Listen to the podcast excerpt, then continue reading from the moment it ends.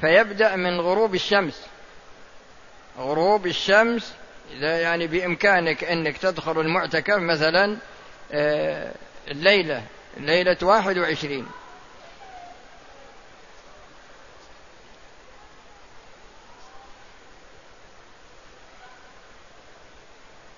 أريد أن أتزوج امرأة ثانية. ولكن يقول إنها رضعت مع زوجتي الأولى. إذا ثبت أنها رضعت مع زوجتك الأولى خمس رضعات في الحولين كما سبق بيانه قبل قليل فهي أخت أختها من الرضاع ولا يجوز لك الجمع بين الأختين من النسب ولا بين الأختين من الرضاع.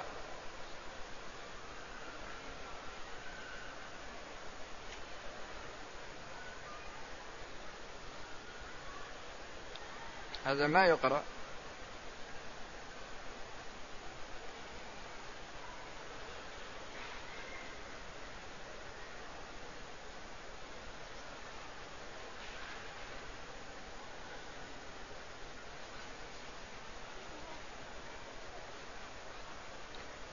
وهذا يقترح تغيير الموقع يقول وأنت تلقي درسك والنساء من خلفك يمرون والمستمع يرفع رأس يا أخي لا ترفع رأسك للنساء طمنه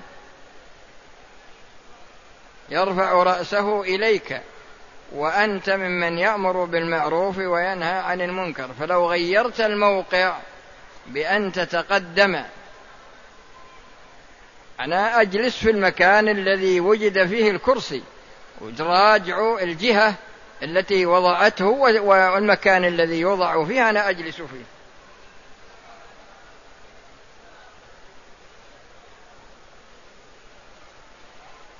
أنا أعزب وأحب الله ورسوله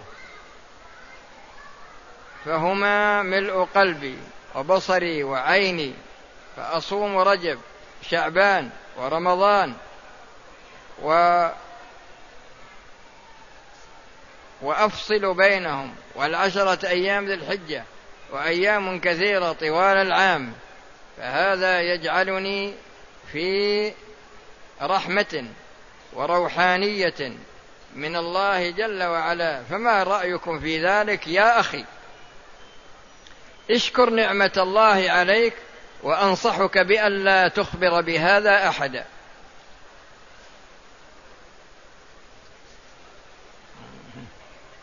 أنا موظف في مكة وأهلي خارج مكة بحوالي ثلاثمائة كيلو متر أجلس في مكة خمسة أيام ويومين عند أهلي فكيف تكون تأدية الصلاة في السفر؟ يعني يريد يقصر عند أهله ويريد يقصر في مكة. لا تقصر لا في مكة ولا عند أهلك ولكن اقصر في الطريق ذهابا وإيابا لك الجمع والقصر في الطريق. أما مكة فإنك تقيم خمسة أيام وإذا رجعت إلى أهلك سواء جلست يوم أو يومين فلا تقصر.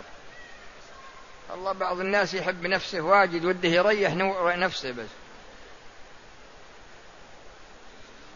هل أستطيع أن أعتمر على أب متوفى؟ نعم.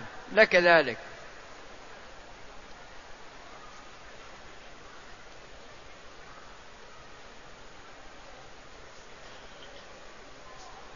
منذ بدايتي بالصلاة وأنا أتوضأ كثيرا إلا, إلا أن يذهب ريح ليس أشعر به وأنا أحب أن أصلي جماعة صلاة الجمعة. أو التراويح وأنا على طهارة كاملة. ماذا أعمل؟ يا أخي أنا أخشى أن الذي معك وساوس. فإذا كثر إذا إذا كثر هذا الشيء عندك فيكون من باب الوساوس. إلا إذا كان عندك سلس في الريح كالسلس الذي في البول فأنت أعلم بنفسك.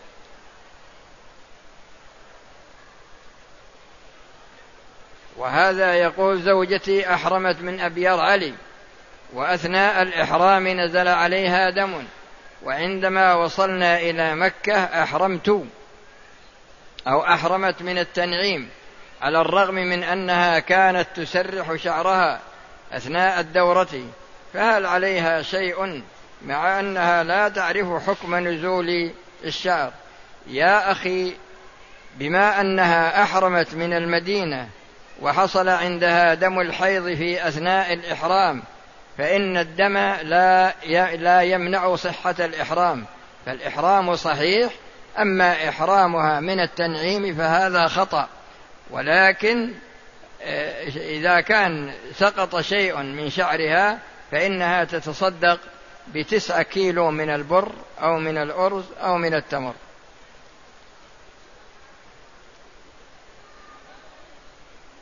زوجتي دكتورة نساء وتوليد.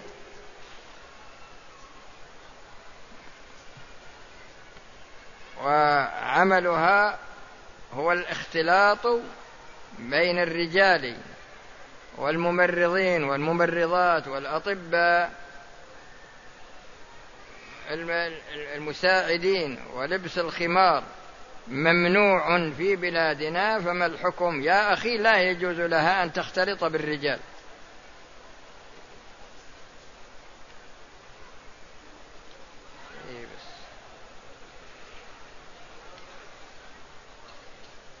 نحن نسكن في بلد تكثر فيها القباب ويكثر فيها دعاء الباطل أو دعاة الباطل يجوزون عبادة القبور.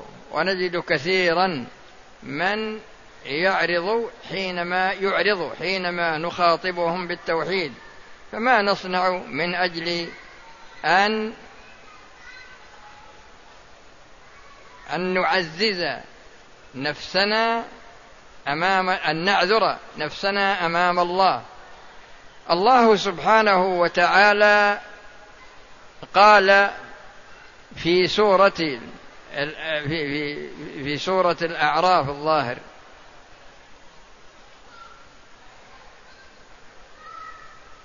في الآية اللي فيها أخذ الميثاق وإذ أخذ ربك من بني آدم من ظهورهم ذريتهم وأشهدهم على أنفسهم ألست بربكم؟ قالوا بلى. فالله سبحانه وتعالى مسح ظهر آدم فقبض قبضة وقال هؤلاء ولا أبالي إلى الجنة. ثم مسحه وقبض قبضة أخرى وقال هؤلاء ولا أبالي إلى النار. فالإنسان مكتوب في اللوح المحفوظ اسمه وعمله وشقي وأجله وشقي أو سعيد. ولهذا الملك الموكل بنفخ الروح عندما يريد أن ينفخ الروح في الجنين الذي في بطن أمه يأتي إلى ربه فيسأله هل هو ذكر أم أنثى هل هو شقي أو سعيد وما اسمه. ويسأل عن عمله وعن أجله فيقول الله له اذهب إلى أم الكتاب. فيذهب إلى أم الكتاب فيجده ذكرا أو أنثى ويجد اسمه ويجد أجله ويجد عمله ويجد أنه شقي أو سعيد. ولهذا في قصة نوح لما لما حصل الغرق وأنجى الله نوحا ومن آمن معه سأل نوح ربه فقال رب إن ابني من أهلي وإن وعدك الحق وأنت أحكم الحاكمين. قال يا نوح إنه ليس من أهلك إنه عمل غير صالح فلا تسألني ما ليس لك به علم إني أعظك أن تكون من الجاهلين. قال رب إني أعوذ بك أن أسألك ما ليس لي به علم وإلا تغفر لي وترحمني أكن من الخاسرين. فهذا نوح عليه السلام هو أبو الرسل. وأبو البشر الموجودين الآن على وجه الأرض كلهم من ذرية نوح. ومع ذلك يقول الله له إني أعظك أن تكون من الجاهلين. ونوح وإبراهيم عليه السلام دعا أباه ولما امتنع من إجابة الدعوة قال وأعتزلكم وما تدعون من دون الله وأدعو ربي عسى أن لا أكون بدعاء ربي شقيا. فلما اعتزلهم وما يعبدون من دون الله إلى آخر الآيات. فهذا أبوه لكن إبراهيم عليه السلام هو من أولي العزم ومع ذلك ما نفع أباه. دعاه لكن مكتوب في اللوح المحفوظ أنه لا يهتدي. أنه لا يهتدي. وفرعون أخذ تسعمائة أخذ أربعمائة وخمسين سنة وهو يقول لأهل مصر أنا ربكم الأعلى. ما علمت لكم من إله غيري. وزوجته مؤمنة. زوجته مؤمنة. ولكن ما استطاع أن يضلها. ولا استطاعت هي أن تهديه. وكل من نوح ولوط كانت زوجته كافرة. كانت يعني زوجة نوح وهو من أولي العزم كانت كافرة. وزوجة لوط كانت كافرة. والرسول صلى الله عليه وسلم بالنسبة لعمه حينما حضرته الوفاة مع أنه كان هو الذي يحوطه ويحميه من أذى قريش. يقول له يا عم قل لا إله إلا الله كلمة أحاج لك بها عند الله. وكان عنده بعض رؤساء قريش يقولون له أترغب عن ملة عبد المطلب فمات وهو على ملة عبد المطلب. فقال لأستغفرن لك ما لم أنه عنك. فقال الله ما كان للنبي والذين آمنوا أن يستغفروا للمشركين ولو كانوا أولي قربى من بعد ما تبين لهم أنهم أصحاب الجحيم. ويقول صلى الله عليه وسلم استأذنت ربي أن أستغفر لأمي فلم يأذن لي واستأذنته أن أزور قبرها فأذن لي. فغرضي أنا من جميع هذا الكلام أن الإنسان إذا بلغ إذا بذل وسعه في الدعوة لأبيه لابنه لأخيه لأخته لجاره لمن يعرفه إذا إذا بذل وسعه في الدعوة إليه فقد قال صلى الله عليه وسلم من رأى منكم منكرا فليغيره بلسانه فليغيره بيده فإن لم يستطع فبلسانه فإن لم يستطع فبقلبه. فأنت يا أخي إذا بذلت النصح لهم. فالهداية هدايتان هداية التوفيق والإلهام وهذه هي التي قال الله فيها إنك لا تهدي من أحببت. وهداية الدلالة والإرشاد وهي بيان الحق. وهذه هي المذكورة في قوله تعالى وإنك لتهدي إلى صراط مستقيم.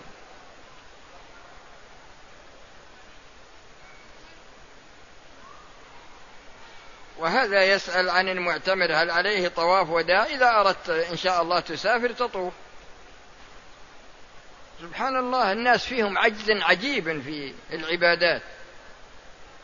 لكن مستعد يقعد يسولف ولا يقعد ينظر التلفزيون ولا القناة الفضائية ساعتين ثلاث ساعات أربع ساعات ويشرب دخان ومبسوط دخان وشاهي ويناظر القناة ولا يضيق صدره. ويضيق صدره إذا بغى يطوف مثلا سبعة أشواط يمكن في خلال ربع ساعة على الأكثر. يضيق من هذا.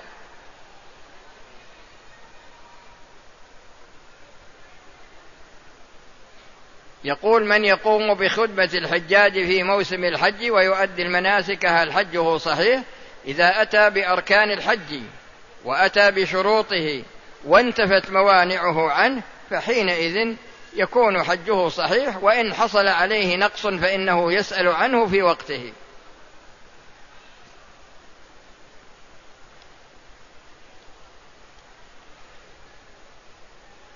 اي بس.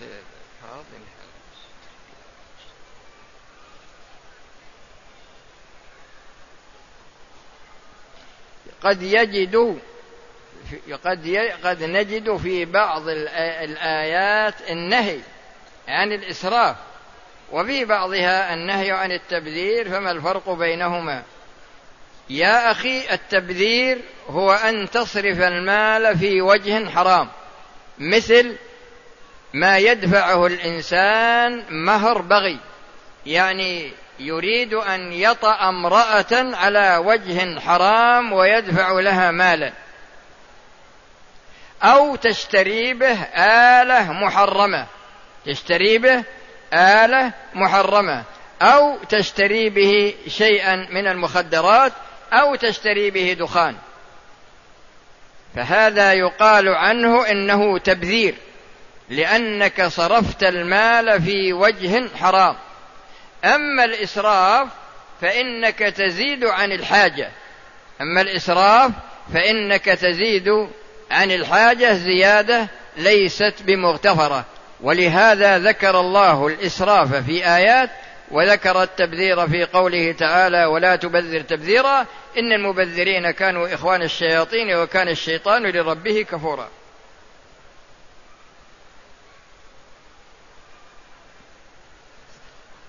قدمت من الرياض ولم أنوي العمرة وأريد أن أعتمر الآن فما المطلوب؟ المطلوب أنك تذهب إلى التنعيم أو إلى عرفة.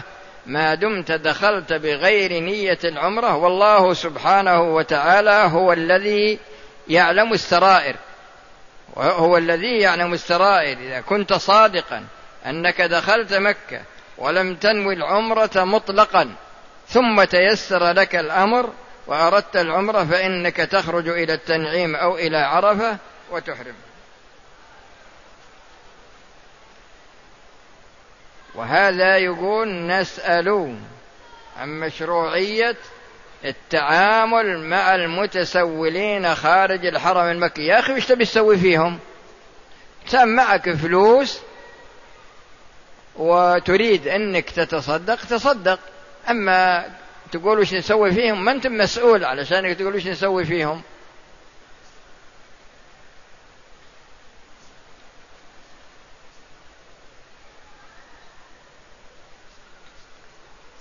يقول إذا شخص عليه دم لأجل محظور من محظورات الإحرام ولكنه لا يستطيع لعدم وجود المال هل يذبح شاة في شوال لفقراء الحرم؟ يا أخي إذا كان النساب عليك إذا كان النساب عليك يعني محظور من محظورات فعلت محظورا من محظورات الإحرام والواجب فيه شاة فإنك تذبحها لكنك لم تذكر هل هذا المحظور تبع الحج ولا تبع العمرة. لكن يبدو أنه تابع للعمرة فإن ذبحتها في رمضان وإلا في شوال.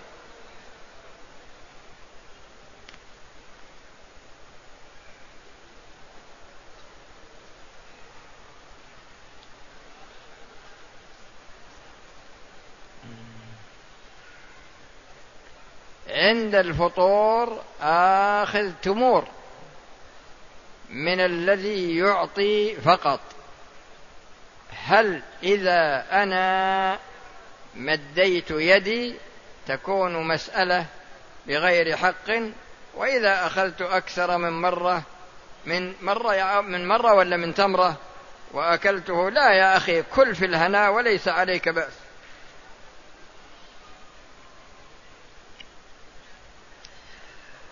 اعملوا في الأسواق الحرة ومن ضمن المبيعات خمور. وأنا أعمل في اللجنة الجمركية وأختم على الفواتير الخاصة بالمبيعات كلها بما فيها الخمور. يا أخي لا يجوز لك أن تختم على الفواتير التي فيها يعني فواتير الخمور لأن الخمر الرسول صلى الله عليه وسلم لعن في الخمر عشرة. وأنت داخل في هذا اللعن فتجنب ذلك. ومن ترك شيئا لله عوضه الله خيرا منه. أريد أن أعتمر لوالدي المتوفى بعد أن أديت عمرتي ولكن سمعت أن تكرار العمرة ليس من فعل السلف الصالح فهل هناك فرق؟ بين تكرارها لا يا أخي إذا أردت أن تعتمر لأبيك فجزاك الله خيرا إذا كان متوفى. وهذا سائل يقول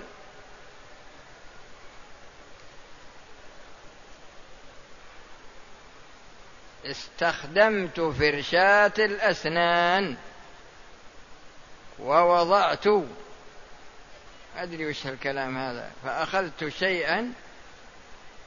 إذا أنا لا أدري عن الفرشات هذه اللي أنت تستعمل. إذا كان فيها يعني إذا كان راح شيء من مع الحلق فلا يجوز لك ذلك فعليك القضاء.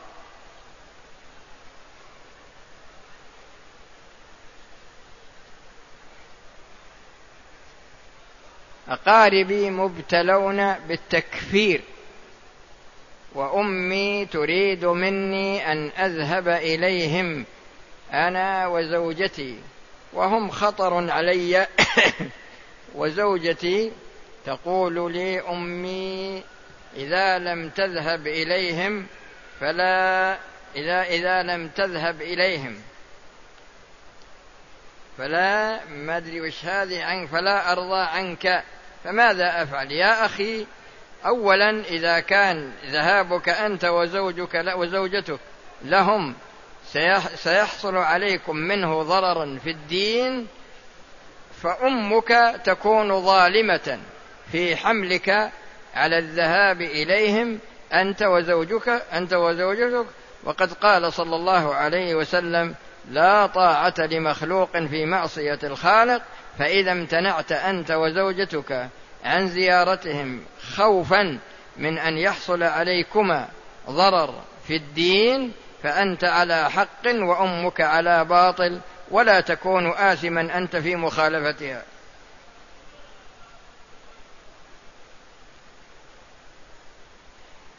الذي يصلي الذي يصلي في البيوت بجوار الحرم وش عليك منهم أنت. هذا ملقوف هذا. هذا رشوة هذا؟ مو برشوة؟ طيب. بارد شوي. بارد. ها؟ لو حصل حار كان طيب. ها؟ سبح وهلل بس أنت تصلي في المسجد واترك الناس. لا إله إلا الله. قل سبحان الله والحمد لله ولا إله إلا الله والله أكبر. هل يجوز الإحرام من مسجد التنعيم؟ أم هذا كان مقصورا على السيدة عائشة؟ لو كان مقصورا عليها لقال لها خروجك إلى التنعيم خاص بك لأنه صلى الله عليه وسلم معصوم فيما يبلغه عن الله جل وعلا وقد قال صلى الله عليه وقد قال تعالى وما ينطق عن الهوى ويقول قل إن كنتم تحبون الله فاتبعوني يحببكم الله ويغفر لكم ذنوبكم وقال صلى الله عليه وسلم عليكم بسنتي فخروج عائشة ليس خاصا بها وإنما هو عام لأن الأصل في التشريع ثلاثة أصناف. الصنف الأول ما هو خاص بالرجال والصنف الثاني ما هو خاص بالنساء والصنف الثالث ما هو مشترك بين الرجال والنساء إلا ما ورد فيه تخصيص شخص بعينه كما في قوله تعالى خالصة لك من دون المؤمنين وكما قال صلى الله عليه وسلم في صاحب العناق اذبحها ولن تجزئ عن أحد بعدك. وك وكجعله صلى الله عليه وسلم شهادة خزيمة تعدل شهادة اثنين. فهذا مما فهذا يكون على سبيل الخصوصية المقصورة على ذلك المحل. وأما بالنظر لخروج عائشة رضي الله عنها إلى التنعيم فهذا يعتبر تشريع وليس خاصا بها.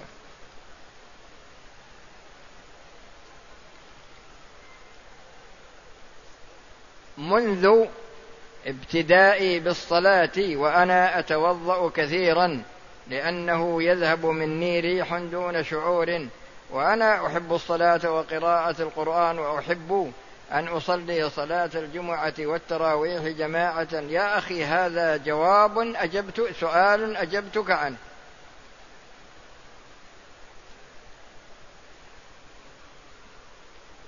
أنا من مصر.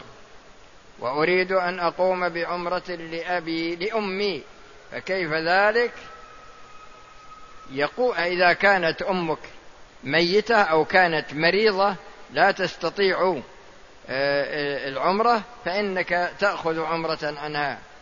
وأقسمت أشك إن كنت على ما أدري وش هالكلمة على على عدم كذا. فهل شيء ما ما أعرف ما يعني اكتب السؤال مرة ثانية واضح. وهذا يقول أحسب المستحق علي من زكاة المال وأفصله عن مالي ولكن أخرجه على مراحل وذلك لأن المستحقين له بالنسبة لي يتوقعون مني إعطاءهم اموالا على أوقات متفرقة مثل ليلة الإسراء والمعراج ونصف شعبان ورمضان. يا أخي كل هذا من البدع. الزكاة واجب يجب إخراجها على الفور. يجب إخراجها على الفور. فإذا كان عندك مال وتم حوله فإنك تخرج زكاته في الحال تتحرى المستحقين.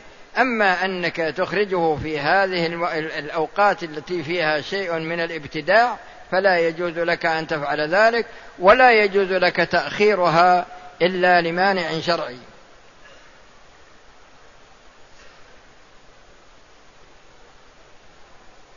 حضرنا من الرياض وأحرمنا من الطائرة ومعي ابنتي وهي في فترة الحيض.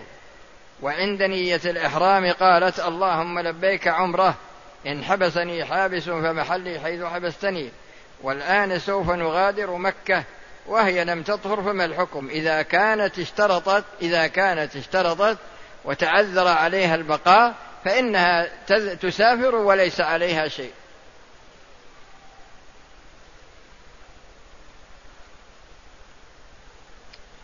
امرأة بعد صلاة الفجر تقول هي امرأة بعد صلاة الفجر أبقى وأطوف سبع فهل الأفضل أن أطوف بدون محرم أم أبقى.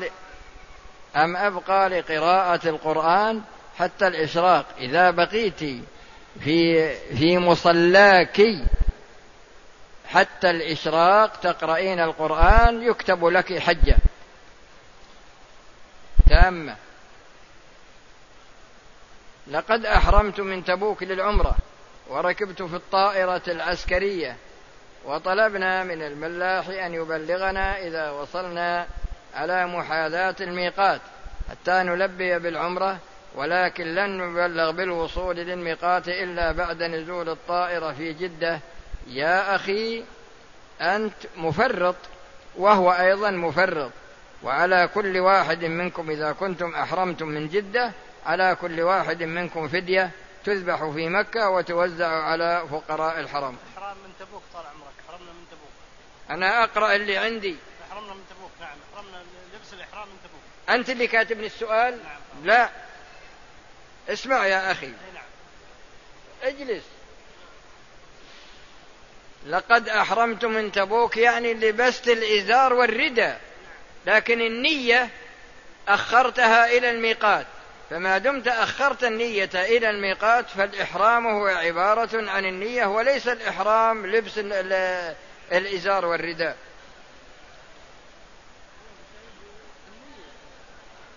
عندي اثنين من النساء وعندهم مس من الجن.